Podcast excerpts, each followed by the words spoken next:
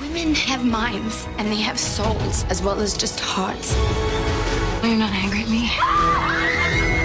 Life is too short to be angry at one's sisters. Dobar dan, dragi slušalci. Slušate Remarkerov podcast Zadovoljstvo u tekstu u epizodi pod nazivom Give Me More. E, moje ime je Vukoman Stranjančević, na Facebooku Vukoman nema snage, a sa mnom je danas... Vladimir Cević, na Facebooku isto tako, na nekim drugim mrežama Sin Synthetic. Uh, danas ćemo govoriti zapravo ne o jednom, nego o dva filma, kako su kod nas preveli Prevarantkinje sa Wall Streeta i uh, Male žene. Da. Pa, uh, hajde, hoćemo prvo, ono, male žene, pa ćemo onda ajde, ove malo ajde. veće žene.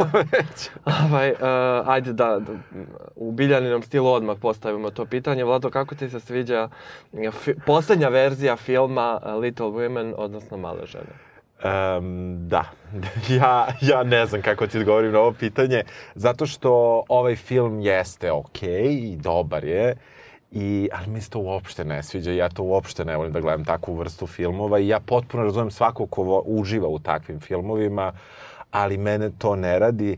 To niti je epoha koja me zanima, a pritom ja volim epohu, znači ta neka sredina 19. veka u Americi, a znači ne bavi se zapravo tim njihovim ratom, nego se bavi nekim potpuno, da kažemo, domaćim temama, ako mm -hmm. tako može da se kaže. Uh, i način na koji se u svim tim ekranizacijama te zapravo istoimene knjige e, ta cela priča nekako meni deluje kao da sam ja gledao i slušao i video u nekih 50 drugih filmova. I, ali svakako da ova najnovija verzija iz ove 2019. koja je nominovana i za Oscara za najbolji film i još imaju neke nominacije za na, najbolju žensku ulogu, za najbolju uh, za glavnu i za sporednu žensku ulogu i još neke silne nominacije. Kostim i Da, tako. svašta nešto. Mislim, u redu je sasvim. Samo jednostavno meni to uopšte ne odgovara tebi. Pa meni je uh, od tri pogledane verzije, pošto aha, smo u aha. stvari ti ja... Da, jesam, spremali smo se. Spremali smo se, ja, ja sam gledao verziju iz 49. i 94. Da.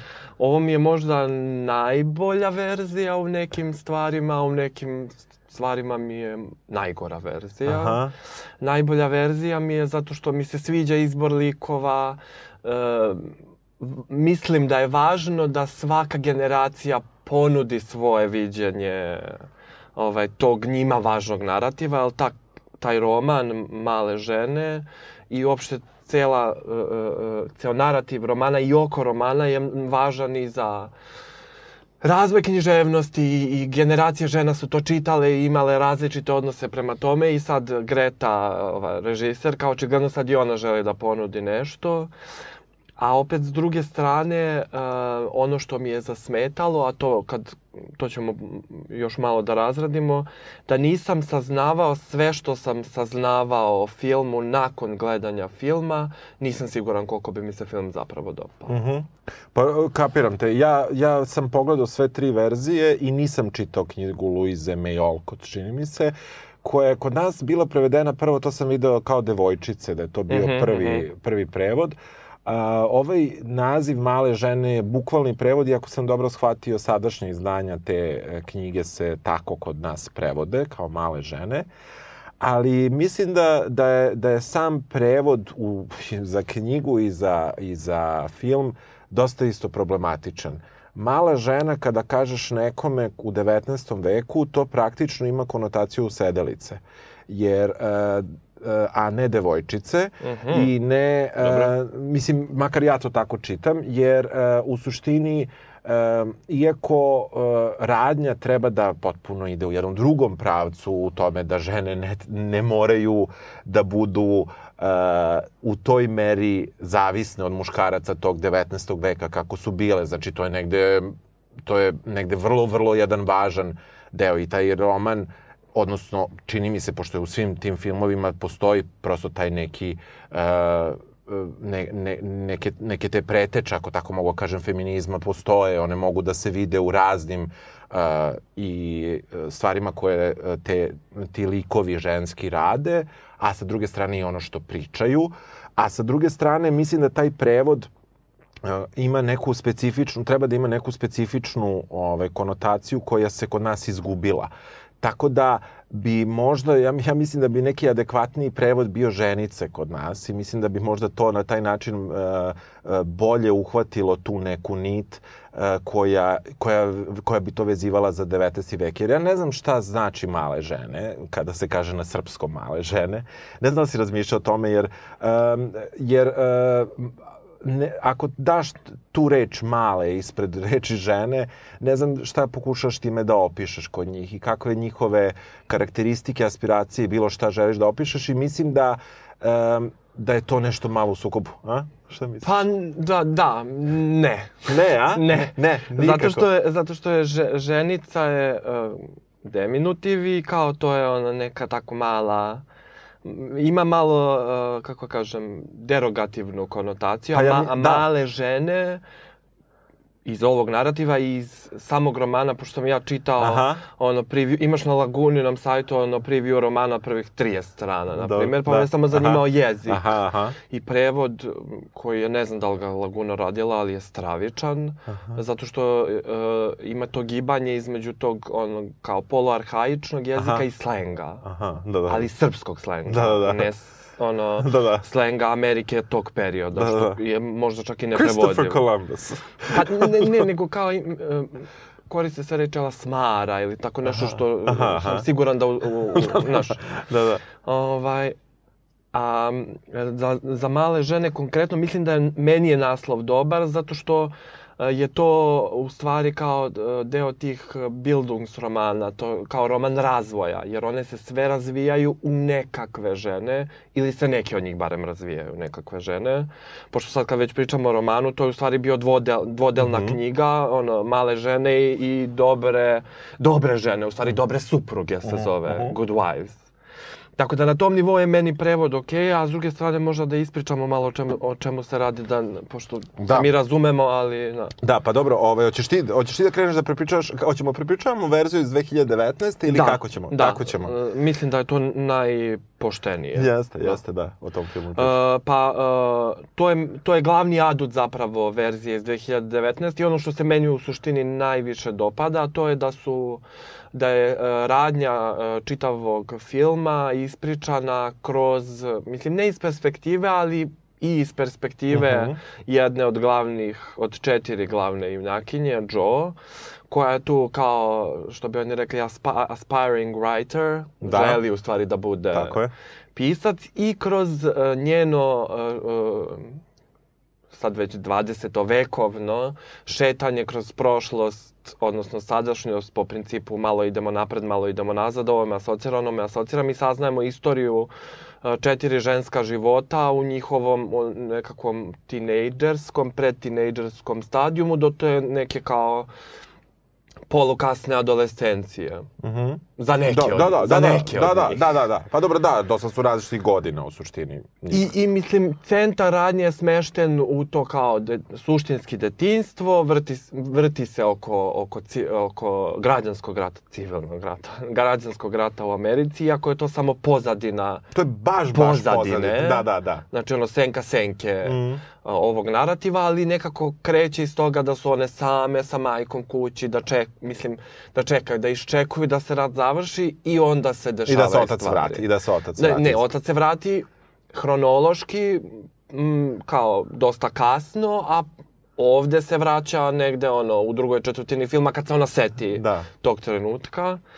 I mislim, ja ne znam kako sad da prepričam onako sva četiri toka, da, to mi je da, malo da, nezgodno, ali da. u suštini Joe, mi kroz Joe doživljavamo sve, sve što su njih četiri doživele, u smislu načina koje su posmatrale brak, šta su htele od života, šta su dobile od života. I mislim, meni je to uzbudljivo, a opet s druge strane to je ono što, što je meni smetalo, osim jasne e, signalizacije sedam godina ranije i jasne promene palete boja u sekvencama koje se dešavaju u prošlosti, uh, ako ga ne gledaš dovoljno pažljivo, a ja moram da priznam da na prvo gledanje uopšte nisam bio pažljiv, jer sam a to, ve, to ima veze sa nečim drugim, što se zove šovinizam, Ove, sam smatrao da je to tako neki polufrivolan film, pa sam ga polufrivolno i gledao pa sam tek na drugo uh, gledanje shvatio da moram da pratim kad ona se promeni skače. boju. Ne, ne kad promeni boju, nego kad... promeni boju, mislim, zapravo. Da, ali kao... Ja imam veliki problem sa tim, to si, do, to si baš dobro primetio. Ja mislim da da, da, su, da, se, da se kritika baš nije toliko time mnogo bavila, jer su kritike su prilično, prilično dobre za ovaj film, za ovu ekranizaciju, to jest adaptaciju ili, kako se sad savremeno kaže, prevođenje u, u 2019. E,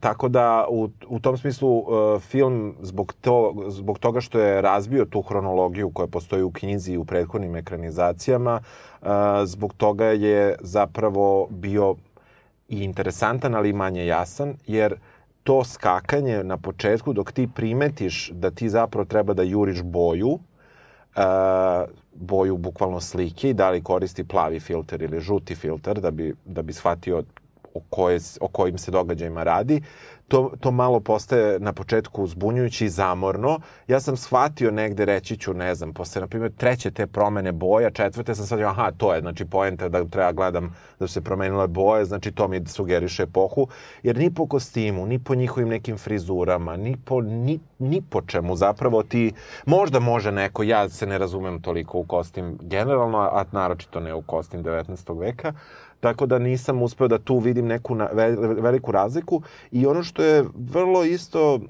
zanimljivo u ovoj ekranizaciji jeste da čak i za, najmanj, za najmlađu od malih žena, uh, koju ovde igra Florence Pugh, Um, u verziji iz 94. su oni rešili da imaju dve glumice za nju. Ovde su, ovde su rešili da nemaju dve glumice, nego da igra sve jedna. Tako da sve te, ta relativno velika promena od 7 godina nije tako lako uočljiva. Pa nije lako očeva, ali s druge strane, meni se, na primjer, prvo, u prvoj promeni napiše 7 godina da, ranije. Da, da, i čao. A, ali, s druge strane, meni je ta promena filtera super, zato što um, pokazuje način na koji ona doživljava sobstvena sećanja. A to je toplija boja, nekako je sve, naš, sve žuto, prijatno za oko, Jeste. milo, a sadašnjost u, kome ona, u kojoj ona uh, živi i s koje mi gledamo sve to je plava, hladna, neprijatna iz raznih razloga. I čak i one stvari iz njene najbliže prošlosti, ala odlazak u New York, koji je u suštini isto negde pred kraj filma samo yes. signaliziran kako da. upoznala u da. New Yorku onog što je rekao da ne treba da bude Šekspir i ne treba. Ovaj, I to isto žuto. A to je, na primjer, ne, ne znam, par godina da, samo da, unazad. Da, da, da, to nije taj veliki bre. Tu postoji neki problem koji koji je u, u suštini učinio priču sa druge strane zanimljivijom. Ali film se otvara uh, uh, scenom u kojoj ona dolazi kod izdavača uh, ne, nekih novina u kojima ona objavljuje svoju kratku priču. Uh, Sirša Renan ili Sirša Renan, koje ime valjda sam izgovorio kako treba, koju igra Joe, koja igra uh, lika Joe Madge. Uh, tu imamo odmah to plavu, tu plavu boju. I, a s druge strane, to je u interijeru. Onda posle skačemo u eksterijer gde je sve toplo. Tako da te malo zbunjuje rediteljka. Znači, uh, imaš tu malo problem sa time uh, dok to ne shvatiš, ali dobro, okej, okay, ajde. To, to su manji problemi. Ono što je tu inovativno jeste taj, taj pristup što ona priča priču I ono što je hiper inovativno u odnosu na druge filmove jeste što ti nisi svestan zapravo uh, da li gledaš narativ uh, knjige koju ona piše mm -hmm. ili gledaš uh, ili gledaš priču o malim ženama jer čini mi se da je ova sada rediteljka pokušala da negde izjednači uh, lika, njeno delo i narativ ovim ženama i to se pogotovo na kraju filma najviše vidi u odnosu na prethodne verzije, uh, jer ti zapravo ne znaš šta si video i kako se film završio u smislu neke kakve Aha, god, da, ako da, kažemo, okay. realnosti u, u tom filmskom smislu. Dakle, ti ne znaš da li gledaš kraj filma kao kraj po te male žene ili kao kraj filma polikove iz knjige jedne od malih žena. Eto. Ali, ali u svakom slučaju je zanimljivo kako je, kako je to urađeno. Meni se nije, evo ja ću samo reći šta mi se još nije dopalo i šta mislim da nije toliko dobro, a to je da u ovoj ekranizaciji filma ja nekako ono, uz veliko izvinjenje, mislim da bi ove žene da su živele tako kako su prikazane u ovoj verziji, bi imale velike, nažalost, probleme u 19. veku i da njihovo ponašanje, kako god da to sad zvuči, nikako ne bi prošlo dobro. Mislim da su one preprogresivne u ovoj ekranizaciji, da su previše napravljene po modelima i nečemu kako mi zamišljamo da, je, da bi mogao pogled na feminizam iz 19. veka da izgleda danas. I mislim da to nekako, e, ta, pogotovo jačina glavnog lika, ove Joe, mislim da je potpuno neadekvatna, iako je ona nju dobro odglumila, iako sam ja verovo njoj, mislim da e, toliko razumevanja i svojih sestara i majke koja postoji u knjizi, koja one su sve vrlo jez, jez, jezgrovita ta porodica i tako dalje, mislim da to da je to ipak uh, na ideološkom smislu, u ideološkom smislu neka uh, užasno velika intervencija koja, koju je ova ekranizacija uradila, koje nema već u onoj iz 94 a po najmanje u ovoj iz 49. ili koja već godina. Dobro. Šta ti misliš o tom, o feminizmu? U, u, pa, e, prvo samo da, pošto pričamo sve, sve vreme samo o Joe, da prosto nabrojimo samo još ove e, tri da, sestre, da mož, ne budemo mož, da. nefer. Znači, e, Srša Ronan igra Joe, Tako je. Emma Watson je Meg, Meg da. uh, Florence Pugh, danas je. savladano Pugh, je, je Amy, i to je zapravo naj, ono, kamen temeljac ovog filma. Jeste. Amy je najproblematičnija uloga suštinski. I Eliza, e, to jest Eliza Scanlon, koju ja znam iz Sharp Objectsa. Da, znam i ja odatle, ali... Je uh, Beth. Da. Što je meni najmanje, najmanje zanimljiva uloga, a i u suštini ona je isto poprilično teška za igranje, jer ti treba da budeš tako nekako dobar fin la la i onda treba u stvari da umreš da, da, u da. nekom trenutku. Um, mislim da samo se delimično slažem na nivou da prosto ovde postoje nekakvi trenuci koji ti izgledaju kao da tebi sad režiserka hoće pošto poto jer je kao sad feminizam jedna vrlo in stvar generalno Jeste. u filmovima. Jeste. Ali, na primjer, kad pogledaš verziju iz 94. Uh, tu je težište prebačeno na majku. Jeste. I Susan Sarandon je tu bukvalno govornica, ono glasno govornica feminizma, jer kad je pretuče onaj učitelj, ona njemu doslovno piše ono otvoreno Facebook pismo u kome Jeste. mu govori da će da ispiše čerku iz škole i da će Joe, koja je u stvari tu ono najtalentovanija, najpametnija, la la la, da je tutoriše. S druge strane, meni je zanimljiv, sva tri filma su mi zanimljiva na nivou mapiranja toga šta uh, Hollywood želi od glumica određene generacije, yes, u kom yes, smeru želi yes. da im razvija karijere i u kom smeru želi da ih mi kao publika doživljavamo, yes. jer evo uzet ćemo uh, samo Amy, dve meni najzanimljivije mm -hmm. Amy je Liz Taylor, jer prosto da. Liz Taylor, i ova uh, Florence Pugh, danas savladano Pugh, ponovit ću. Uh, uh, Liz Taylor je igra kao Liz Taylor lepa je, bezobrazna je i sve vreme, sve vreme je namerno takva. S druge strane, ova Amy je i lepa i bezobrazna i pali tu knjigu, ali prosto postoji jedna emotivno ljudska dimenzija u njoj koju ja nisam video u prethodnim verzijama mm, filma. Jeste, drugačije. Bez obzira što ja, na primjer, mnogo volim činjenicu da, ne znam, Kirsten Dunst igra Amy sa da. 10 godina, jer mnogo volim Kirsten Dunst ili da. mnogo volim Claire Danes uh, što uh, igra Beth, jer mnogo, mislim, znaš, na tom nivou mi je zanimljivo i tačno možeš da, gled, da pratiš prosto razvoje tih karijera kao Jer Joe glumi, Winona Ryder glumi Joe u vezi 94. Yes, što je i logično. Što je i logično, a s druge strane, e, znaš kao, malo se i zapitaš, pošto poslednja verzija filma je zapravo glavna fora sa njom je meta narativ, to što si ti rekao, je uh, o pisanju i režisarka se uh, u intervjuima baš dosta referiše na 19. vekovnu i 20. vekovnu žensku literaturu ala Virginia Woolf, sobstvena soba, to je ono što je meni ostalo u glavi iz nekih mhm. -huh. drugih razloga, koja se baš time eksplicitno bavi. Uh -huh. U mhm. smislu kao, šta ti je potrebno da pišeš, potrebno ti je sobstvena soba i valjda 500 funti godišnje, što bi danas bilo, nema pojma, nije 10.000 evra godišnje. Da. Ovaj, I na, meni su na tom nivou uh, zanimljiva sva tri filma i uh, zanimljiva mi je percepcija fe, feminizma u filmu. Jeste, jeste, ona baš odgovara uh, ona, ona u svakoj, čak i u toj 49. odgovara 49. i ova 94. Ja moram da ti kažem da, ne čitajući knjigu, evo sad me ti ispravi. Dobro, ja koji ne znam originalni materijal, a sad ga, sad ga zamišljam, ja nekako mislim da je 94. najbliža knjizi. A ne znam zašto to mislim. Samo imam osjećaj da je tu epoha, događaji, stavovi, da su oni negde... Pa zapravo nije. Ova Stvarno? Ve, poslednja verzija je najbliža Stvarno? verzija. Ali najbliža verzija je zato što uh, to je sad um, kod prevođenja um, da. pisane da. književnosti u, u medijum filma, što se najčešće dešava. Da. Mislim, kao 90% uh, filmova koje smo da, mi ovde radili da. ili ti Biljana da. su zapravo da. knjige, da, da. drame, la, la, la, la.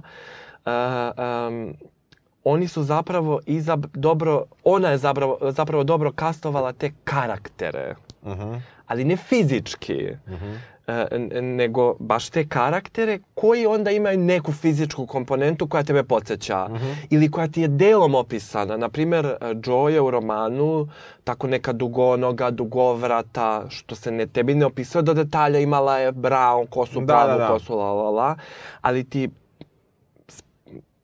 spisateljica signalizira šta je to što ona jeste. I to je ona me, meni ovde super uhvatila. Amy ne izgleda kao Florence Pugh u romanu, uh -huh. ona je mhm. drugačije opisana. Ali način na koji ova glumi je, uh, po meni barem, suština izvučena iz izvinjavam se, samo 50 pročitanih strana, ali ti tu u prvih 50 imaš uh mhm. -huh. prosto postavku, uh mhm. -huh. da ti on objašnjava kakav je ko. Tako da, me, meni se... Ali, ali ti kažeš sada o likovima, a mene više zanima nekakva, kako bih rekao, društvena sredina koliko je uhvaćena. Meni... Pa, I to je uhvaćeno zato što za uh, uh, ženske romane iz 19. veka postoji jedna vrlo, vrlo karakteristična stvar, a to je da, da su Uh, pošto ih nije bilo baš previše i uglavnom su bile gurane u taj domen dečije književnosti, popularne književnosti, vrlo često su bile anonimne kao Joe na početku. Tako je, koja pod pseudonimom prvo piše. A, prvo, vrlo su čitale jedne, jedna druge uh -huh. i mhm. kao, čak, čak i ovdje imaš kao ova pominje da ova čita roman od neke druge uh mhm. -huh. autorice, a s druge strane, um, ne znam kako to da objasnim, u suštini su pod tu masku uh, pisanja dečije književnosti svašta podlačile. Da, da, da. Pa onda imaš taj građanski rat, sve i svašta imaš, uh -huh. ali ti je prosto to upakovano u neku književnost za decu. Da, da, da. Na tom nivou Ovo je po meni najstavljeno. Meni, me, da, meni se činilo, ne znajući originalni narativ, tako da sad zaista sam ono, ne znam ni zašto ovo pričam, ali mi je to nekako ostalo, ostalo kao, kao da mi je verzija iz 94. nekako najpoštenija, a ne znam zašto. Uh, iako ne nužno najlepša. Čekaj, Christian Bale. Da, Christian Bale da, igra tu, da, da, da, da, on igra tu ovaj, ovog tipusa glavnog, uh, Lorija. Um, tako da, uh, u tom smislu, taj, u toj uh, ekranizaciji, nek, ja sam gledao, inače po redoslovu sam gledao najnoviji, pa najstariji, pa onda ovaj 94. tim sam redom gledao. Isto. Da, da. I znam da kada sam gledao 49. sam bio u fazonu, da, ovo je film iz, iz te godine i potpuno odgovara tom nekom periodu u Hollywooda, čini mi se, i vrednostima koje su tad želele da se prikažu. I, uh, i odgovarao mi je toj, tom vremenu. 94. kada sam gledao, zapravo nisam mislio o tome. Sad ću ti reći iskreno. Pogledao sam najnoviji, bio sam u fazonu, ovde nešto nije u redu. Ovde neštima 19. vek sa ovim ženama i sa njihovim ponašanjem. Onda sam gledao 49. i više o tome nisam mislio. Pogledao sam 94. nisam više o tome mislio. I onda sam na kraju promislio sve tri stvari. I mislim da, da taj neki, uh, uh, da, da baš na liku Amy March, uh, koja, koju, si, koju si ti spomenuo, sad ako kažeš da je tako u knjizi, onda je vrlo zanimljivo zašto nijedna druga ekranizacija to nije eksploatisala. U suštini, uh, Florence Pugh je naj, najkompleksnija od svih Amy koje su bile. Ne znam od njih tri kako, kako ti se... Evo sad ja imam to trivia question. Da, da, ko, ko mi je... Da, mislim, sve su mi okej. Okay. Uh, meni je Sirša dato je da to igra i ona je to odigrala odlično. Ja samo imam problem sa tim šta joj je dato. Mislim da je previše uh, snažna. Znači, ja bi je... E, znaš, možda to sad i neka muška perspektiva koju ja sad previše imam na to, ali mislim da ipak nije. To ti je sad način na koji su, uh, mislim, oni percipirali šta im i treba da bude. Da, da. Na koji je ono, uh, ne znam, neki uh, producent tadašnjeg ono, hollywoodskog, hollywoodskog studija došao i rekao ona će da bude mršava, lepa, da, da. Pa u 94. je to bilo nešto drugo, a danas je opet nešto nešto treće. Da. Mislim, prosto kao na tom nivou mi jeste, a opet... Negde lik Meg čini mi se da je ostao manje više sličan u svim ekranizacijama, da tu najmanje su se nešto menjale. Mislim, koliko go, različite su naravno, ali mislim da tu, dok poslednja Bet je baš, mislim da je Claire Dance najbolja, I Dobro, mislim da je dato... Claire Dance je meni zauvek najbolja. Da, a ja za, nemam taj stav, ja, mislim generalno prema Claire Dance, ja, ja mislim Homeland obožavam i tako dalje i nju u njemu. Tako da uh, tu to ali mislim da nisam uh, da nisam tu subjektivan, mislim da je tu njoj dato i najviše prostora da igra taj lik. Ovde je rediteljka u najnovijoj verziju sa sa ovom Elizom Scanlon kako god da se zove napravila zapravo jedan veliki problem a to što je zbog tog zbog tog asinhronog prikazivanja događaja zapravo ubila Maltene na početku. Mm -hmm. Mi znamo da je ona vrlo teško bolesna posle 5 minuta filma i mislim da uopšte nije bio ostavljen prostor da se gradi lik, nego ti znaš, mislim, ne, zna, ne mrezano od toga da li si čitao, da li znaš nešto ranije, ovi ti kažu ova umire. I vrlo je teško, i vrlo je teško. Čini mi se da su, da je u filmu uh, iz 94. Claire Danes kao Beth March imala najveće šanse da preživi, koliko god da to čudno zvuči, i da je negde kako je vođen taj lik, iako ona na kraju na uh, samrt, ono, na, kada praktično samrti kaže kako nije zamišljala neki veliki život, kako ona nije imala za sebe ne znam nijakakve planove. Mislim da zapravo kako smo je upoznali tamo, um, da, da su tu, da, da je u toj verziji dato najviše, najviše prostora. Dobro, da, okej. Okay. Je, mislim, jeste, ali da. Jer, jer zapravo svaka verzija ima tu neku, pošto imamo četiri sestre, svaka verzija zapravo jednu sestru malo baci sa strane, nevezano toga da li će da preživi da, da, ili neće, neće, nego je prosto skloni, izgleda da je to prevelika količina e, žena, uh, sestara sa kojima reditelj rediteljke dve su u pitanju, Zapravo. za 94. i za 2019. Ovde iz 49. ne. Uh, Inače, postoji film iz 33. Postoji neki iz 2018. gde je sve prebačeno u 21. vek, kako sam dobro shvatio, nisam gledao, samo sam čitao. Postoji serija, postoji film iz 919. Postoji tipa osam ekranizacija do sada. I, na primjer, dva animirana crta. Da, da, znači tona, tona ovaj, filmova na tu temu. I onda mislim da je to negde bila, bila uh, čini mi se da u svakom filmu Marmi, odnosno mama, uh, tih uh, dosta važnu ulogu imala. Uh, možda najmanje u prvom delu od ovih koje mi pričamo, Mary Astor a, iz 49. Ali meni je zaista bila dobra Susan Sarandon i, i, i naravno nismo rekli ime, Laura Dern u da, najno, da. najnovijoj verziji. Uh, tako Laura da... Dern u ulozi života kako biti besan, a ne biti besan. Da, ovde, bravo, da. Meni, meni, to, meni to možda najgenijalnije ideja ovog filma, zato što ti prosto govor, jel kao imaš, imaš sad to isto kao female rage, kao te besne mm -hmm. žene koje kao stalno nešto hoće i ne znam.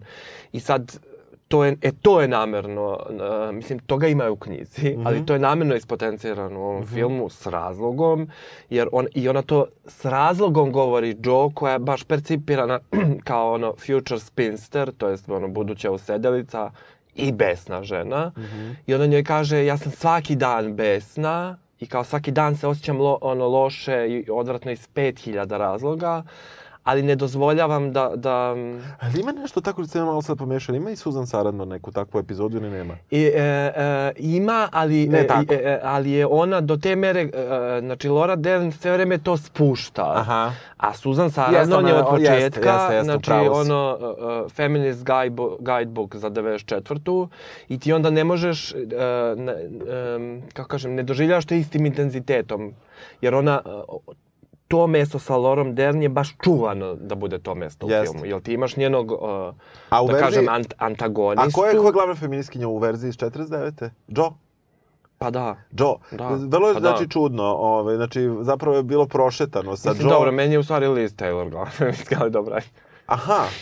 Da, nisam tako razmišljao, ali, ali dobro. Ali u smislu ipak neke malo, sad, da kažem, sadržajnije, pa sad nek me neko popljuje, uh, tematike, mislim da je Joe, a može i Liz Taylor, a sa druge strane, da, ovde su, ovde su majke, majkama je ostavljena isto značajna uloga. Pa ne, zato što uh, Laura logično, Dern ima svog... Jedan matrijarhat koji mi sve vreme gledamo. Svog, ono, antagonistu, a to je Meryl Streep o kojoj, na primjer, evo, koliko je prošlo, nismo ni reč jednu rekli o Meryl da. Streep, što je super, zato što e, mene, na primjer, e, bukvalno sam se malo osjetio kao Biljana, strašno me iznervirala činjenica da Meryl Streep glumi u ovom filmu, da sam mislio da će sad da ga proguta. Ali nije. Pa ne, to, to, zbog toga ja u stvari shvatio da. sam sad što ja volim Meryl Streep, baš zato što nije to uradila. Nije, nije. Ni jedna, a i jedna i druga su u suštini mogle to da uradu, uradu, bože, urade. da urade, mogle su da dobije ili da ono insistiraju bukvalno ugovorima da imaju veće deonice, da njihove uloge budu važnije, da bla bla, one su kao dva tasa I to je ono što se meni sviđa ovom filmu, jer vaga se vreme ide na jednu pa na drugu stranu.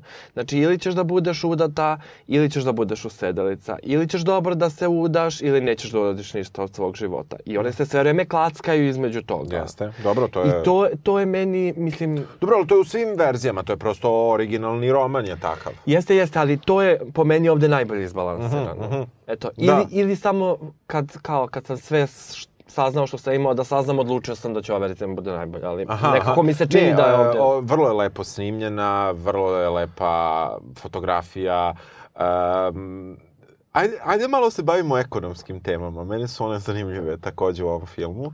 E, mislim da su vrlo čudno ovaj, postavljene. E, možda najčudnije u odnosu na sve ekranizacije.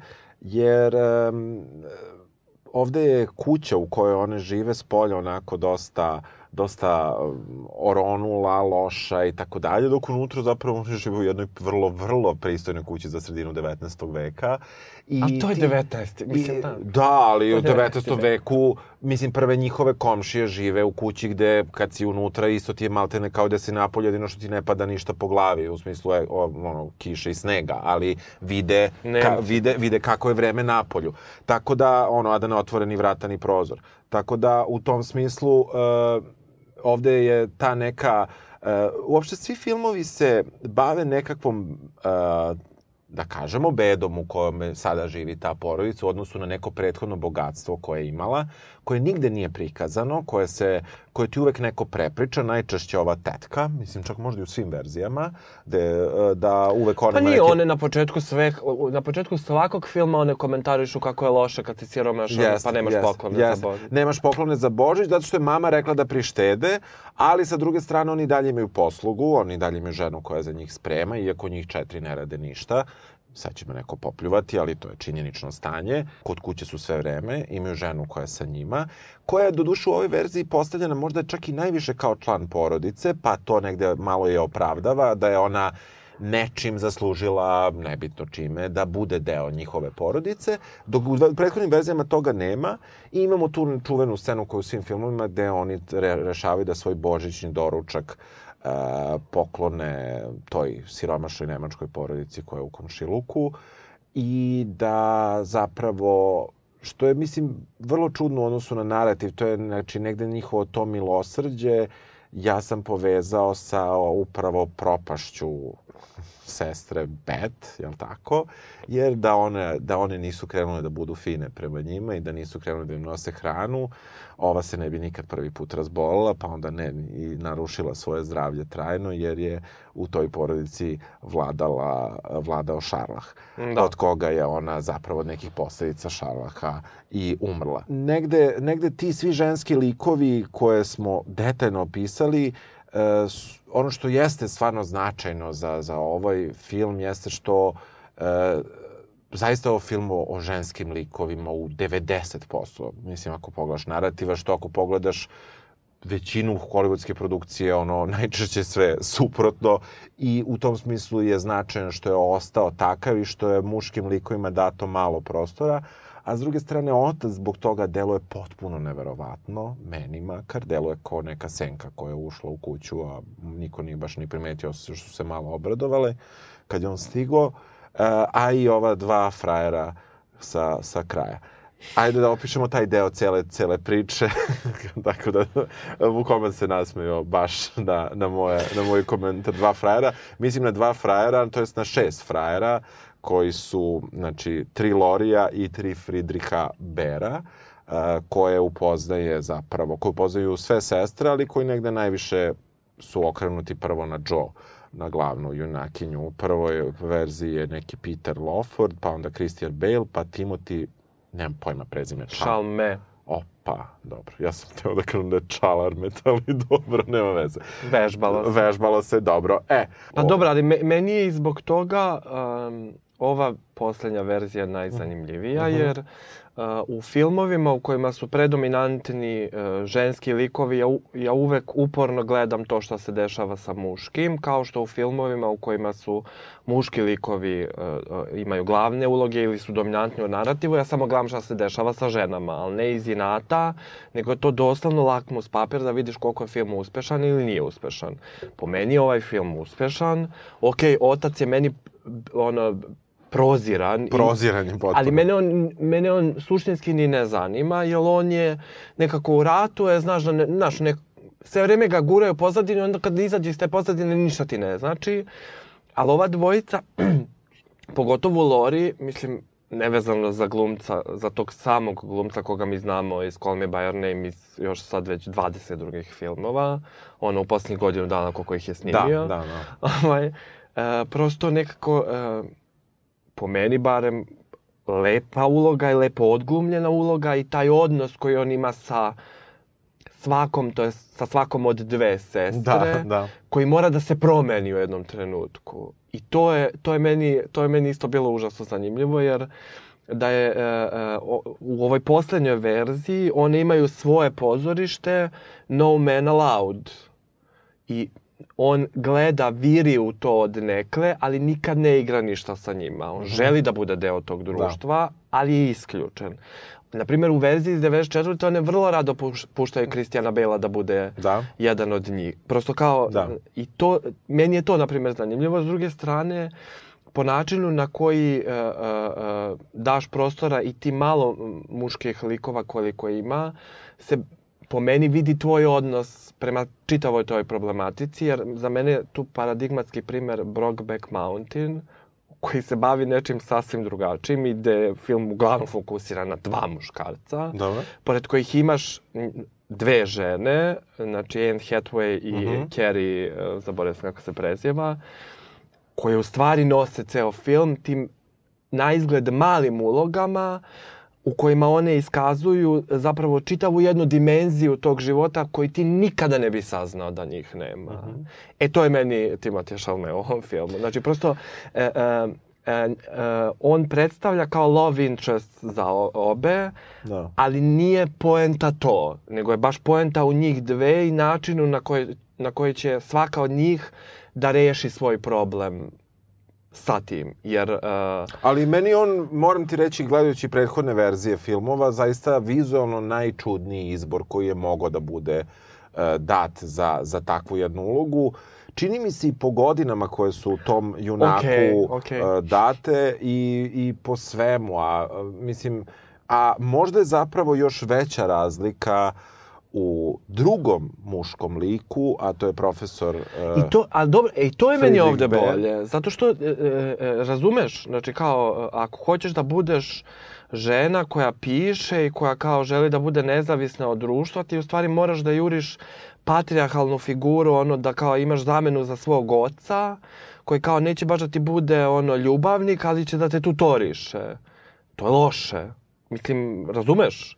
Ovde to nije tako. Ja. On, on, je njoj, on je njoj challenge na nivou, on njoj kaže... Uh, Uh, priče su ti sranje. priče su ti sranje, da. ali ne zato što si ti netalentovana, nego kao budi hrabra, ali je to ne govori iz pozicije ono setog znači, belog muškarca koji ono ima ne znam sad neko kao iskustvo pa kao pošto ja najviše mrzim ljude sa iskustvom inače pa kao sad on sa iskustvom će nju e, tako sitnu da poduči. Ali on e, u prethodne dve ekranizacije to vidljivo stariji muškarac od e, od Joe March i ajde prema nekim kategorijama mogli bi da kažemo ružniji.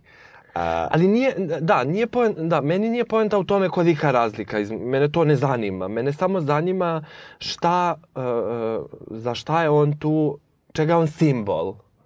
Ovde je reakcija kada on joj kaže e, pričati je sranje zapravo negde meni bila naj e, čudnija reakcija koja može bude, koja je logična iz perspektive 21. veka. Potpuno, ali mislim da je potpuno nelogična iz perspektive polovine 19. veka i ne, sa, ne zato što žena ne bi trebalo, ne bi smelo i bilo šta slično da tako uradi, apsolutno sme, apsolutno treba, apsolutno može da mu se najebe majke, ali sa druge strane mislim da su to te neke intervencije koje meni ovde jednostavno nisu jedna s drugom imale veze. E, u obe verzije praktično imamo neke slične krajeve i slične neke priče. Ovde se to izmenilo. Jel ti se to sviđa? Pošto ja na početku odmah zapravo spojlovo i rekao šta je zapravo promena, da mi ne znamo šta je pravi kraj, ali ovaj čudni pa meni, happy end. Da, meni se to sviđa zato što je to... Uh, I meni se to jako dopada. To je taj kvalitet.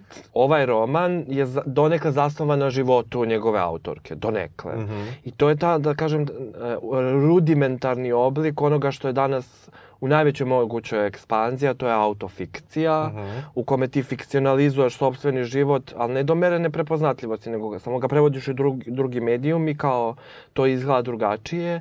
I ovde se htelo da se pokaže na koji način se to procesuira i prevodi umetnost. Uh -huh. Jer ti imaš uh, Joe koja živi život kao sati. -huh. Znači imaš ono epohu u kojoj se nešto desilo, epohu u kojoj se nešto napisalo, epohu u kojoj to neko preživljava. -huh.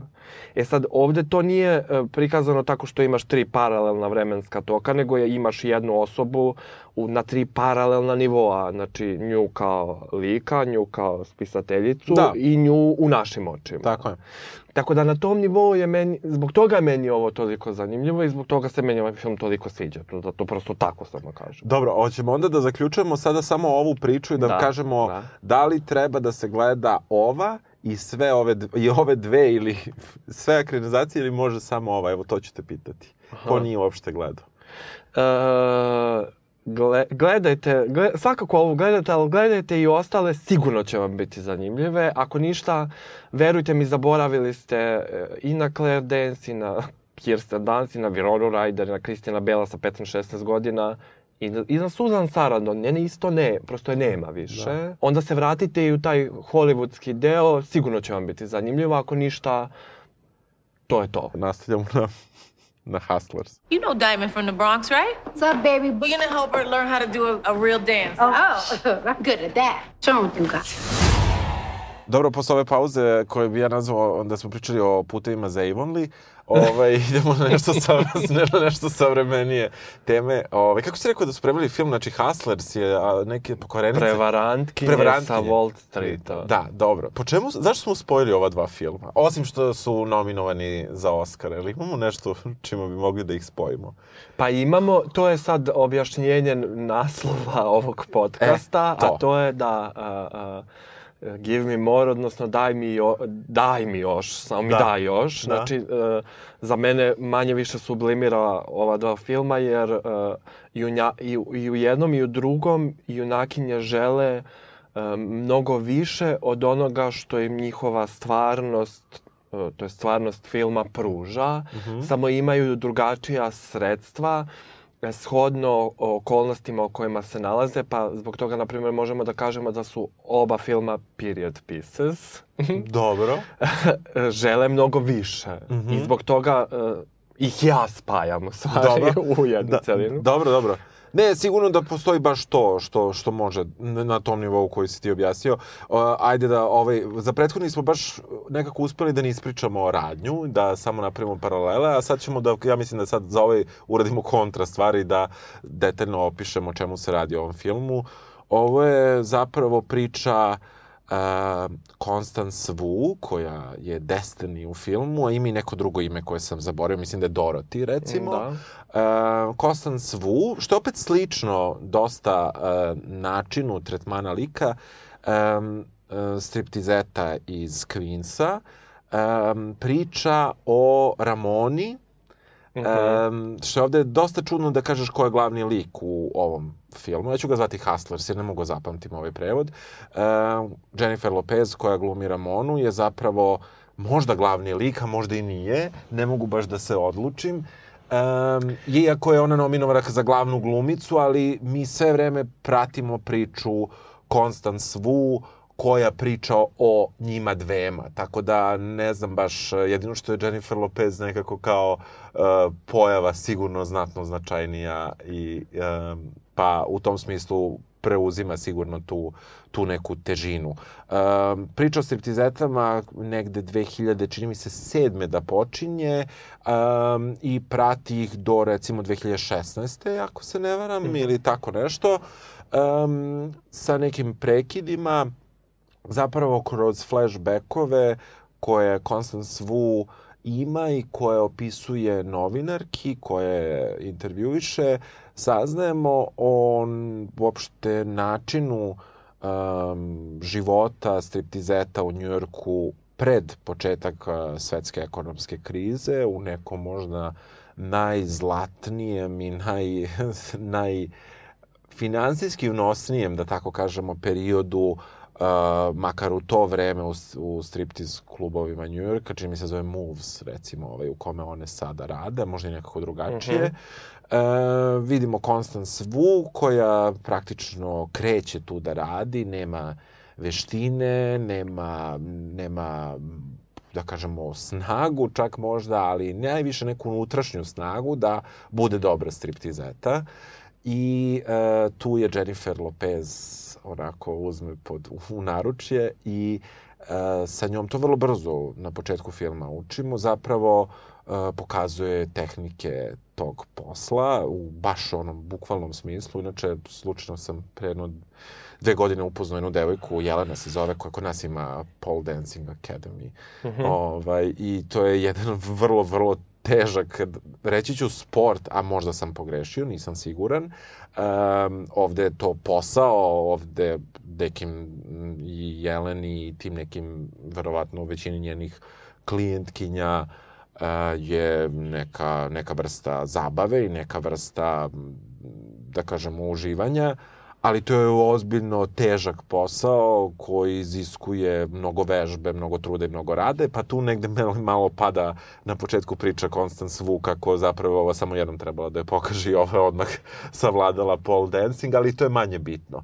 E, ono što je, što sam ja ću posle ovog velikog uvoda sada da okrenem stvar i da kažem i da pitam tebe, um, pošto, si ti, pošto smo zajedno se nekako dogovorili da spojimo ova dva filma, ali na tvoj predlog, uh, Ovaj, kako ti se sviđa film Hustlers? Pa meni se i ovaj film zapravo baš u suštini baš dopada, Aha. zato što je tema vrlo um, kao to striptiz klub, striptizete, pa la, S jedne strane, a s druge strane kao svetska ekonomska kriza, pa kao od, iz 2008. od svih filmova koje ja znam mm -hmm. da se time bave, od kojih je, na primjer, moj omiljeni onaj uh, um, Margin Call mm -hmm. iz, na primjer, 2011. Ovo za mene izuzetno zanimljiv način da se to tematizuje, jer kao striptease klub i striptease kao takav je ono... Um, centar nečega što se ono u, u, litera, u teoriji zapravo naziva ono male gaze ili taj muški pogled -hmm. koji ono objektivizuje la la la i da je baš to uzeto da se iz toga gradi ceo narativ filma meni, meni je to, mislim, iako kao ovaj film ima za mene nekih problema, a to je da je, na primjer, ono što Mer eh, Meryl Streep i Laura Dern nisu radile u onom filmu, Jennifer Lopez jeste radila u ovom filmu, a to je da u suštini ono, larger than this movie, prosto kao, nevezano zato što mi gledamo to iz Destiny perspektive koja nju vidi tako kako je vidi, da. prosto veća od svega u ovom filmu. Ja mislim da nije bila da ne bi bilo filma, da bi film bio ravan kao daska što je dosta zanimljivo poređenje da, koje sam dobro. sada dao, ali mislim da je pored e, svog fizičkog izgleda koji je više nego impresivan i pored tehnike pole dance-a koju Jennifer Lopez pokazuje maltene na početku, koja je više nego impresivna. Što je ona tražila? Ona je tražila Što da je se sasvim- tako otvori Što je sasvim u redu. film i meni je to, meni to donekle nije u redu, malo je nekako izgleda čudno, a s druge strane um, to je idealan, idealno sredstvo da ti pokažeš uh, ono ko je tu glavni, a ona je glavna. I Jeste, ona... ali ne samo to, oni su time, time nisu ušli u nekakvu zamku uh, ranijih filmova o striptizetama, da moraju da se vraćaju bukvalno striptizu konstantno i tom efektu šoka koji bi se očekivo da se konstantno poveća i da se zapravo lestvica podiže ka kraju filma. Ovde su, oni su dali njen pre-seksi ples na početku i to je to. I nema šta više. Ti onda možeš dalje da ideš sa nekom pričom. Me- Meni, si, meni, meni Da, da. makar je tako delovalo, jer stvarno, stvarno, stvarno impresivno. Ja nisam... Uh, mi smo više puta smo Biljana i ja, doduše sve su bili muškarci u pitanju, kada smo te neke, kako bih rekao, telesne mogućnosti, pa su to ili preterana gojenja ili preterana mršavljenja, koje su često bila razlog da neko dobije nominaciju, pa i neku veću nagradu, pa smo to najčešće plju- pljuvali Jakim Vinik. na, na PR, ovaj, ali ne samo on. Uh, i, um, a sa druge strane, ovde je, meni se čini njeno telo, ovaj, iako je potpuno, ono, jeste seksualni objekat koji se gleda, znači to mu je, to je i unutar filmske stvarnosti i unutar ove stvarnosti s koje mi posmatramo film to, znači to je duplo, nema šta treće, sa time se otvara. Mislim da ovde e, da, da Jennifer Lopez jeste zaslužila nominacije za, za ovu ulogu, da, ali tu uvek imaš problem sa time što ja mislim da je ovo slab film za jaku Jennifer Lopez i da onda su tu malo šanse bleđe.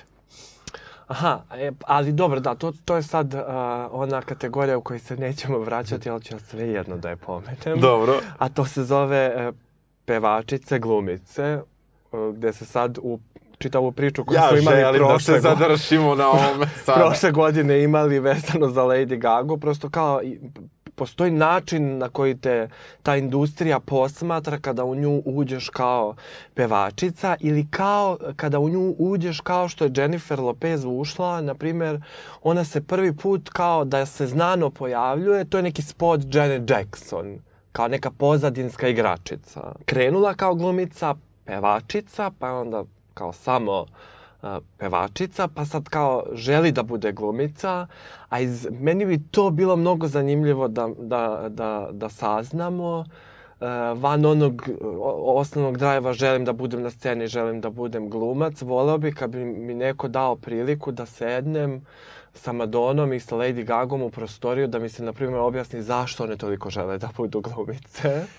S jedne strane, s druge strane, uh, i to se meni sviđa i u ovom i u prethodnom filmu, uh, ti praktično možeš da budeš sve ono što poželiš i u redu je da želiš različite stvari za sebe i uh, ovaj svet u kome mi živimo, koji ti stalno govori da ne možeš da budeš ovo ili ono, zapravo treba da te podržava u tome da budeš sve ono što želiš. Ja ću samo da, da se ovde, moram da se vratim na, na, na priču sa uh, pevačicama slash uh, glumicama.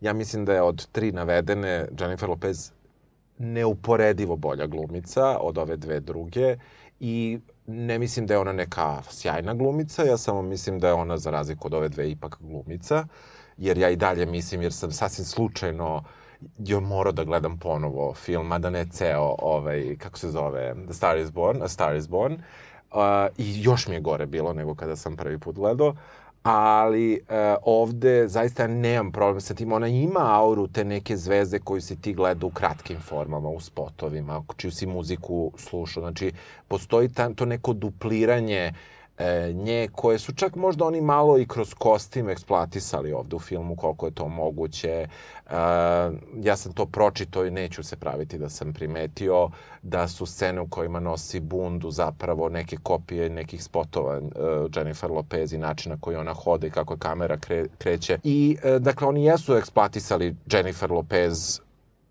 uh, uz Ramonu, koja, koja je lik u filmu, ali mislim da je to ovde neuporedivo bolje. Eto, to samo hoću da kažem. Dobro, iako, dobro, dobro. Iako ne mogu da uopšte sebe postavim kao bilo kakvog fana Jennifer Lopez, ali nemam nikakav problem sa, sa, sa njom i, i mislim da je, jer na nekom kanalu kablovskom ide neka serija gde ona neka policajka, što se sad nešto snima. Da, da, da, da. da. I ne mogu kažem da pratim tu seriju, ali sam pogledao više tih epizoda kada vrtim kanale pa to uhvatim i zaista nemam nikakav problem sa time da nju gledam i mislim da ona to sasvim sasvim okay radi. Okay. E, ajde sada da, kad, kad sam ja pohvalio Jennifer Lopez... Uh, Čija muziku ja, na primjer, i dalje slušam. Samo da... Dobro, dobro. Uh, samo da kažemo šta se zapravo dešava i šta je najveći problem ovo, šta, koji koje, sa kojim se naše junakinje uh, susreću. Dešava se ekonomska kriza uh, i zapravo striptiz klubovi ostaju bez svoje klijentele. Njihov striptiz klub na Manhattanu ostaje bez bogate klijentele sa Wall Streeta,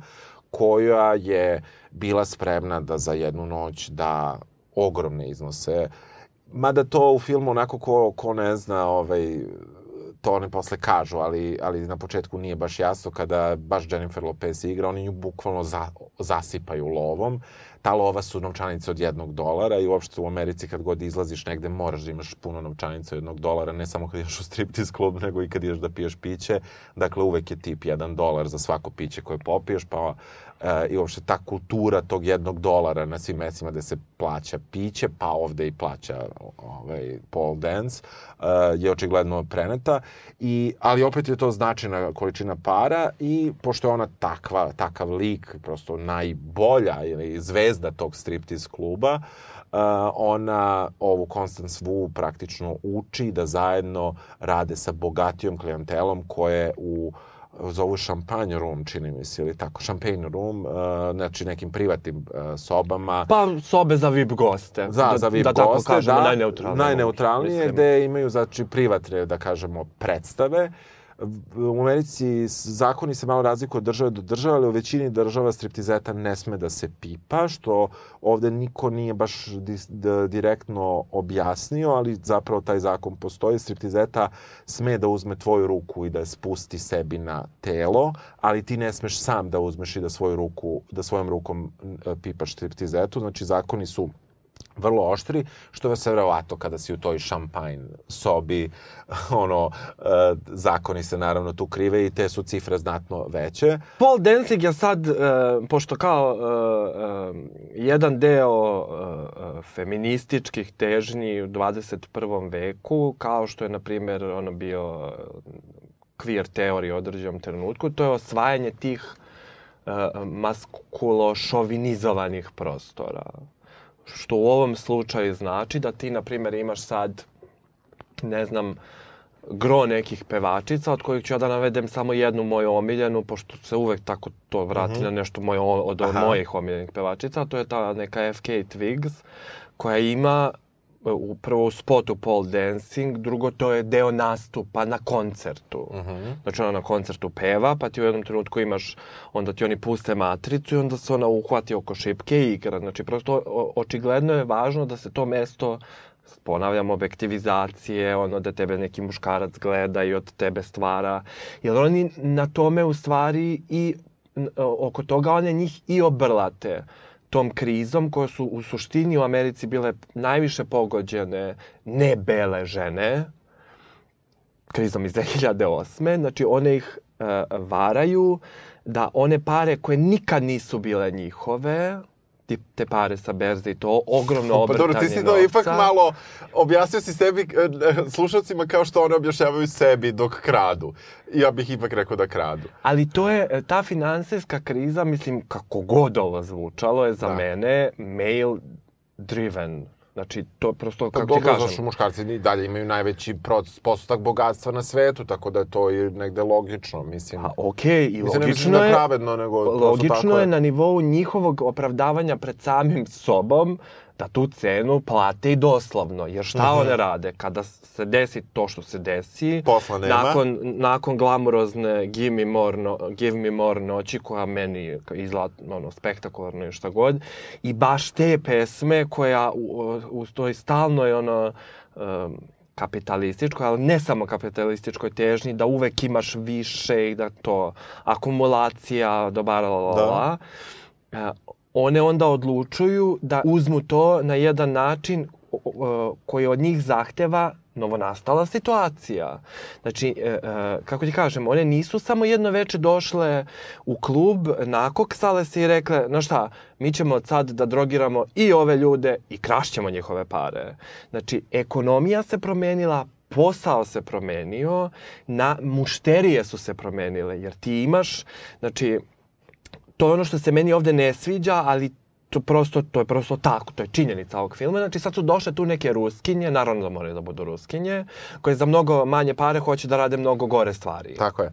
I sad one da ono upuju game, odlučuju da rade šta? Znači, odedu, ono, nađu te u nekom kafiću ili te zakažu dejt u kafiću, drogiraju te i u suštini odedu te u VIP sobu i provlače tvoju karticu Do do, besvesti. da. Znači, to je kao kad bi ja, ono, ne znam, dok sam živeo sa svojim cimerom, uzeo njegovu kreditnu karticu, njemu dao pijat i otišao u kupovinu na 12 sati zare, ono, Da, da, svih daj sve. rasprodaja ikada, pa se vratim, ono, dam mu kiselu vodu, budem fazonu, evo ti nazad tvoja kartica. Mislim, to zvuči užasno, ali ovde, uh, ovde uh, tu situaciju nisu one stvorile. One su samo odlučile da uh, prosto reše određeni problem na određeni način. Dobro, ne, mislim, ja, ja stvarno, meni se sviđa tvoje ovo tumačenje, ali ipak je to znatno gore.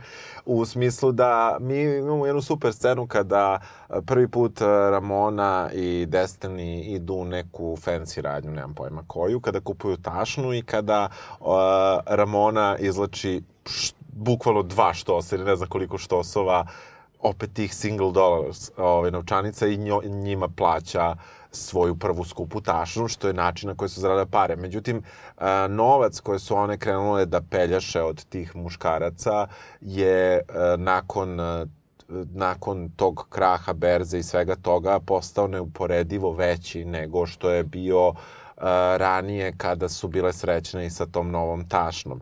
Uh, ono što, što meni u filmu je ostalo malo nedorečeno, što je šteta, a ne, ne mislim da je sad to neki veliki problem, jeste što, na primjer, koliko god da je sve to seksualizovano, sa druge strane nije, film nije porno, i uopšte cela, cela, cela priča je, meni se makar za moj ukus je izmeštena odatle, što je dobro, a sa tog terena, a sa druge strane pojavljuju se vrlo sporadično neki likovi i više upoznajemo od Destinija, nekog prvog sponzora koga ona ima, koji je kupuje laptop. A sa druge strane mnogo postoji jedan zanimljiviji sponzor o koga samo čujemo, a ne vidimo ga uopšte, a to su ti neki muškarci koje one uspevaju još u, to, u, toj, u tom zlatnom dobu, znači pre pada berze da, da nađu, koji im praktično ni za šta Jennifer Lopez upotrebi jednu eksplicitniju rečenicu koju sad neću da ponovim. E, njoj, njenom liku, Ramoni, lik plaća stan.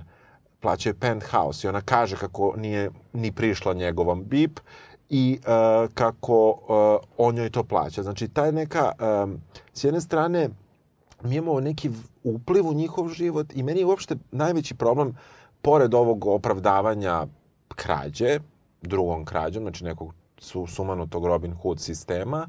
Um, meni je ovde problem što su, što, na primjer, šta mi znamo o Constance Wu? Znamo da ima babu koja nema para da plati kredit i ona hoće babi da sredi pare da baba ima da plati kredit. Šta znamo o Jennifer Lopez, odnosno Ramoni? Znamo da ona ima nekog tipa koji joj plaća stan, ima čerku koja ima dadilju, uh, sa kojom je ona u, na, na, na, u super odnosima i sve to, ali imamo tu neku čudnu situaciju da zapravo njihovim životima njihovim motivima ne znamo ništa osim give me more, znači daj mi još love i ceo film se svodi na to da njima treba užasno puno love i još više i još više, što je ok, možda i prirodno i običajno za ovo vreme i tako dalje, ali znači ja ne vidim zašto to one rade, suštinski. E, mislim, sad bi rekli zašto, zašto Bill Gates i dalje radi, zašto i dalje pravi pare, zašto se jednostavno ne povuče. Znači, ok, im, jasno mi je taj give me more, ovaj, ta komponenta koja tu postoji, ali sad, upoznajemo ih s jedne strane intimno, sa druge strane ih ne upoznajemo i to je ono što meni smeta u filmu. Aha, pa dobro, ne znam. Da, me, meni je to što smo upoznali na jednom nivou dovoljno da vidimo kakav je ko lik, u smislu tih likova koje one glume, a s druge strane on, ono što je meni, na primer, uh, super je što moralna dilema koju ja nemam kad branim ovaj film, u filmu postoji zapravo.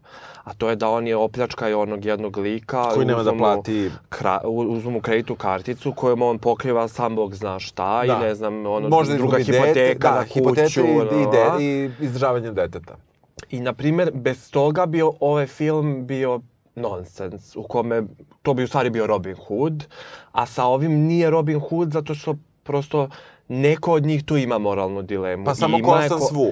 Pa, ali koja ipak uradi to i kaže mu, pa dobro, JBG. A opet s druge strane, mislim, meni se njeno ime na tom nivou mnogo dopada, ona se zove Dorothy. Da, da, da. da. Znači, e, a, Jennifer Lopez je ovde i čarobnjak iz Oza, i lav, i sve, i veštica no, u isto vreme. Znači, ona, ona nju, to jest ona nama pokazuje da ona nju tako vodi kroz ceo film. Tako je. Jer mi... Nemamo realnu sliku. Mislim, mi znamo na kraju krajeva kraja da, filma, da, jeste. kao u onim ofovima, šta se desilo, da. ali ti ni u jednom trenutku ne vidiš ništa ni iz čije perspektive, osim iz onoga koga sve vreme pratiš. Što mi sad možemo da debatujemo o tome da li mu treba verovati, ne treba verovati, la, la, la. Ne, ali naivno je ušao film, ja mislim, njihov odnos tako što ova dođe i kaže imaš upaljač na krovu i ova zagrli stavi pod svoju bundicu mislim da tako ne, ne funkcionišu stvari, pogotovo ne funkcionišu stvari u nekom vrlo kompetativnom poslu, kakav je sigurno kada si striptizeta u nekom njujorskom klubu, ja sam siguran da jeste. Sa druge strane, cast je opet takav kakav jeste. Jennifer Lopez, po mom mišljenju, u odnosu na Constance Wu izgleda 150 puta bolje. I, um, ali Dobro, to je možda stvar ukusa. Dobro, ne, meni ali, je, da. Meni... Ali mislim da, mislim da, uh, sad ću baš ono da budem najgori, ali mislim da čak nije fair prema Constance Wu što je pored Jennifer Lopez bila stavljena u tu poziciju, jer magiju koje one treba da stvore uh, za svoje mušterije, koja ih je prvo dovela do tog ubrzanog rasta priliva 2007. i 2008. pre krize, pa onda kasnije što su smislile plan, Ja moram da ti kažem da nisam primetio, meni dalje bila Jennifer Lopez i tu neka mala koja je pored nje, jer ne, a predstavljeno je da su one praktično da je ona učenjem i trudom vrlo brzo napredovala do manje više tog nivoa i da su one jednake bile u tom, jer su one zaista te, te VIP sobe radile zajedno i sa tim gostima su radile zajedno. Ja to nikad nisam vidio na ekranu, što je do kasta nije, do glume nije, do kvaliteta glumice, nego prosto... Aha, dobro, ali nije, da, ja nisam, nisam shvatio da su one gali kad bile u tom smislu, jer ti imaš i kad, kad krenu da se bave tim kriminalnim mm, radnjama da, u da. suštini, da. mislim, Ramona je tu u suštini na početku kao vrlo e, involvirana i onda u jednom trenutku vidiš da nje, na primjer, nigde nema ili da se ne javlja na telefon ili da prosto ona je zauzela da tako kažem, onu poziciju za koju ona smatra da treba da ima, to je vođa klana. Da. A ovi ostali su u suštini minjani koji operišu za da, da. nju. Da. Znači, to, i to je sad, to je glavno razočaranje e, Konstans Wu stvari, jer ona kaže u jednom trenutku, ne znam, ja sam mislila da je to prijateljstvo, ali kao e, Ramona je uvek zapravo znala šta hoće od svega toga. Iako to ne umanjuje činjenicu da su njih dve možda stvarno bile prijateljice. Da, Mislim, da. da su ti likovi prijatelji. Da. A kad smo kod tog kasta, Kast je dobar ne zato što je Jennifer Lopez tu najlepša pa ove ostale nisu, nego su vrlo šarene. Kao što si u Little Women nagurao čitavu jednu novu generaciju glumica za koje, sve, za koje svako može da kaže da su zapravo dobre glumice, nevezano za to da li misliš da su dobre ribe ili loše. Ovde to nemaš. Mislim, to nekako morao bi da imaš još da se bave striptizom. To je nekako, ne, ne, ali, to, kako bih ti rekao, iako nije fair, to je jedno od preduslova da budeš striptizeta. Ali, sa druge strane, ja mislim da, da je ta perspektiva koja je data u filmu, da zapravo Dorotinu priču, Destininu priču, mi sve vreme slušamo, je bila čudna i postoji jedna rediteljska greška, ja bih tako rekao. Dobro. A to je onaj jedan kadar negde na dve trećine filma, kada samo na sekund mi vidimo kako uh, novinarka uh, ispituje i Jennifer Lopez u nekom prostoru koji deluje vrlo Mhm. uzano. Mm -hmm. I ja mislim da to, da je to bila jedna prevara bez cilja reditelja. Uh, jel se tebi činilo kada je krenuo uopšte intervju da je možda novinarka nije novinarka? Ili si uvek mislio da je novinarka? Da, da li ti je palo na pamet, na primjer, negde u polovini filma i kad se to desi, da je ona možda neki recimo državni tužilac ili neko ko bi možda pokušao da promeni... Ono neko na... iz poreske faze. Neko ko bi krenuo da, da, na primjer, u dogovoru sa Ramonom pravi neki, sa Ramonom pravi neki dogovor da okrive i ovu da bi Ramoni se smanjila kazna. Aha, taj, ka, a, meni, a, okay, taj a... kadar je imao, ne, meni je imao tu neku konotaciju koju se ispostavio naravno za pogrešno i ne znam čemu je to služilo u filmu. Evo, možda sam to ja nešto učito što nije trebalo, ali zaista je delovao taj kadar nekako blurovan, nekako na sekund, nekako uh, ubačen tako kao da ti neku da sumnju, da sam ja onda kao sumnju da li je ova zaista novinarka, ostala je novinarka i bila je novinarka i kao ne znam čemu to služilo. Ja sam to gledao iz obrnute pozicije, Dobro. ali na nivou da je baš stvarno obrnuta situacija, Aha. da Konstant s time što nam sve vreme govori, kao, da, da, kao izmišlja. Robinson Crusoe, kao, u stvari, ne Robinson Crusoe, nego, ovaj, kako se zove drugi, um, Moll Flanders, gde ona tebi sve vreme uh, zločinima koje je radila, krađama, sitnim i ovim, pravda sebe. I da sad ti imaš samo skok u stvarnost u kome ova ispituje može Jennifer to, može, uh, može Lopez. To. Da, da, da, može i to. Mislim, meni je to tako izgledalo, jel uh, uh, Constance Wu, to je Destiny, to je Dorothy, da. tu um, uh, um, tako glumi, nekad vidiš da ima zadršku u tome što govori, yes. a nekad vidiš da je iznenadi nešto što nije ni htela da kaže. Da, da. Znači, prosto kao, i to je, to je Ali ona, super ona, jako, ona jako dobro glumi, ona, ona, ona dobro glumi, to ja samo imam problem sa prosto njenim fizičkim izgledom pored Jennifer Lopez u tom nekom duhu. Ali zašto? Koji, ne znam, jednostavno, ja, ja sam shvatio da su one postavljene na, da njih da, da je jedini problem Constance Wu na početku, to jest uh, Destiny, što praktično nema samopouzdanje i tehniku, a ne fizički izgled. Kako neko želi da se bavi striptizom, mora da izgleda tako kako treba da se baviš striptizom. I sad ti možeš a, da tu skidaš... Jao ne. Ti, pa, pa nekako jao da, zato što je to jedna krajnje površna uh, površna zabava sa jedne strane, gde ti zaista ocenjuješ nekoga po fizičkom izgledu, pa i po drugim kvalitetima, koji su opet u domenu koji su vrlo spojeni sa fizičkim izgledom, kada pričamo o da je to jedan vrlo unosan ili manje unosan zavisnosti gde radiš posao. Ne znam, šta misliš? Ne, ništa ti se reći što sam ja rekao. Ne, nego, uh, uh, prosto sad, one ne prodaju fizički izgled one ne časove baleta tamo. Ne, mislim. one prodaju, one njima prodaju nešto za šta oni smatraju da im samom činjenicom da su muškarci pripada, a što zapravo ne mogu da imaju. I to je razlog zbog čega uh, taj neviđeni muškarac u filmu plaća Jennifer Lopez tu gajbu. To je zato što je to odraz njegove percepcije nje i njegove moći da to radi to nema veze sa fizičkim izgledom do određenog nivoa. Naravno, tebe treba neko privuče fizički, ja ne pričam o tome. Ali različite ljude privlače različite stvari Naravno. i na različite načine žele da iskazuju svoju superiorniju u ovom slučaju superiorniju poziciju u celom odnosu. Jer uh, uh, šta je poenta svega toga? One treba da učine da se ti superiorni muškarci sa Wall Streeta osete još bolje po pitanju činjenice da postoje. I sad, neće svakog uh, dobro da učini da se osjeća jedna Jennifer Lopez koja ovde fenomenalno izgleda, nekoga će to vrlo da ugrozi, neko, razumeš, neko, uh, oni svi jure ne svoju fantaziju i ove im samo to podvaljuju sve vreme That's the point. Vrlo jedna kompleksna...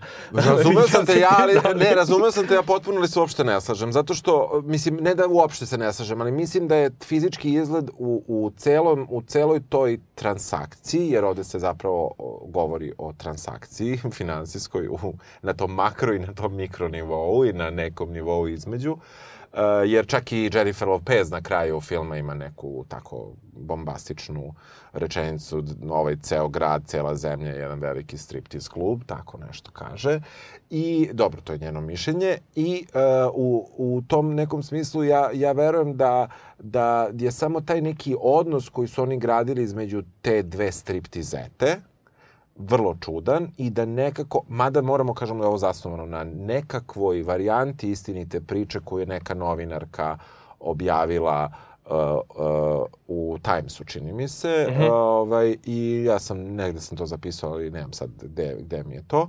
Um, uh, ja verujem da, da je takva neka prevara mogla da postoji i ne verujem da su uopšte prve koje su nekoga drogirale da bi mu pro, provukle karticu i skinule lovu.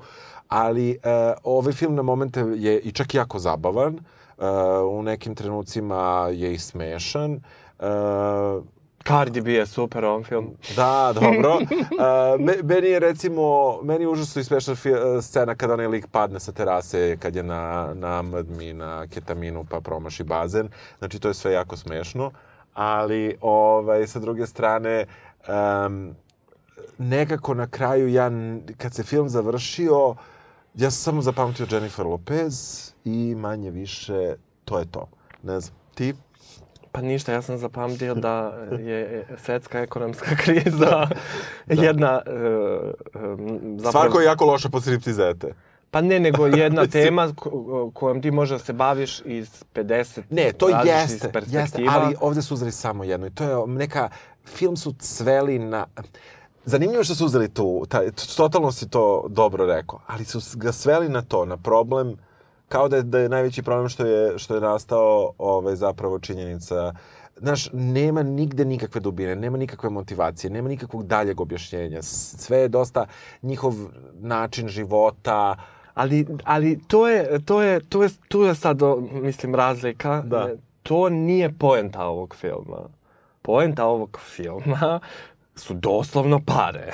znači, da, da. Ne, ne, e, to, to ne znači da činjenica da toga to nema ovaj či, film čini dobrim. Ja se slažem. Da, da to su da, neki promašaj, da. Promašaj On da su to mogli da budu... na nekom nivou kada ga gledaš ti taj film prođe. Ne znam li tebi bio zabav. Meni je prošlo to relativno brzo. Ja sam se tim filmom oduševio, ali to, ti je, to je ono zašto ja zašto je meni barem cela ta feministička priča mnogo važna, zato što ti stalno učiš neke nove stvari o sebi. Jer sam ja isto kao i ovaj film iz svojih predrasuda bio fazonu, maš, znaš, kao nedelja, aj sad ću ovo da pustim, dosadno mi je da. i onda sam se na kraju oduševio i malo sam bio razočaran do dušu sebe, ali to, to nije tema ovog da, podcasta. Dobro, dobro. Ovaj, tako da na tom nivou je meni ovaj film super i ne, ne znam, kao gledajte, ono, Slušajte Jennifer Lopez, sve da, radi. Da, ja preporučujem da, da kome nije pretarano zanimljivo zvučalo, a nije do sad gledao, da pogleda tu, tu scenu gde Jennifer Lopez igra, jer je svaka čast, pravi Jennifer Lopez, na, toj, na tome. I uh, mislim da to baš dobro uradila. I, a što se tiče, da, ja nisam rekao za, za ovaj prethodni, pa ću samo to da se ispravim. Uh -huh. uh, mislim, mislim da treba da se gledaju nove male žene I ja bih preporučio ovu varijantu iz 94. Ne mora ova, ova stara, baš je stara, eto. Hvala što ste nas slušali. Ćao, Čujemo Adam. se. Ćao.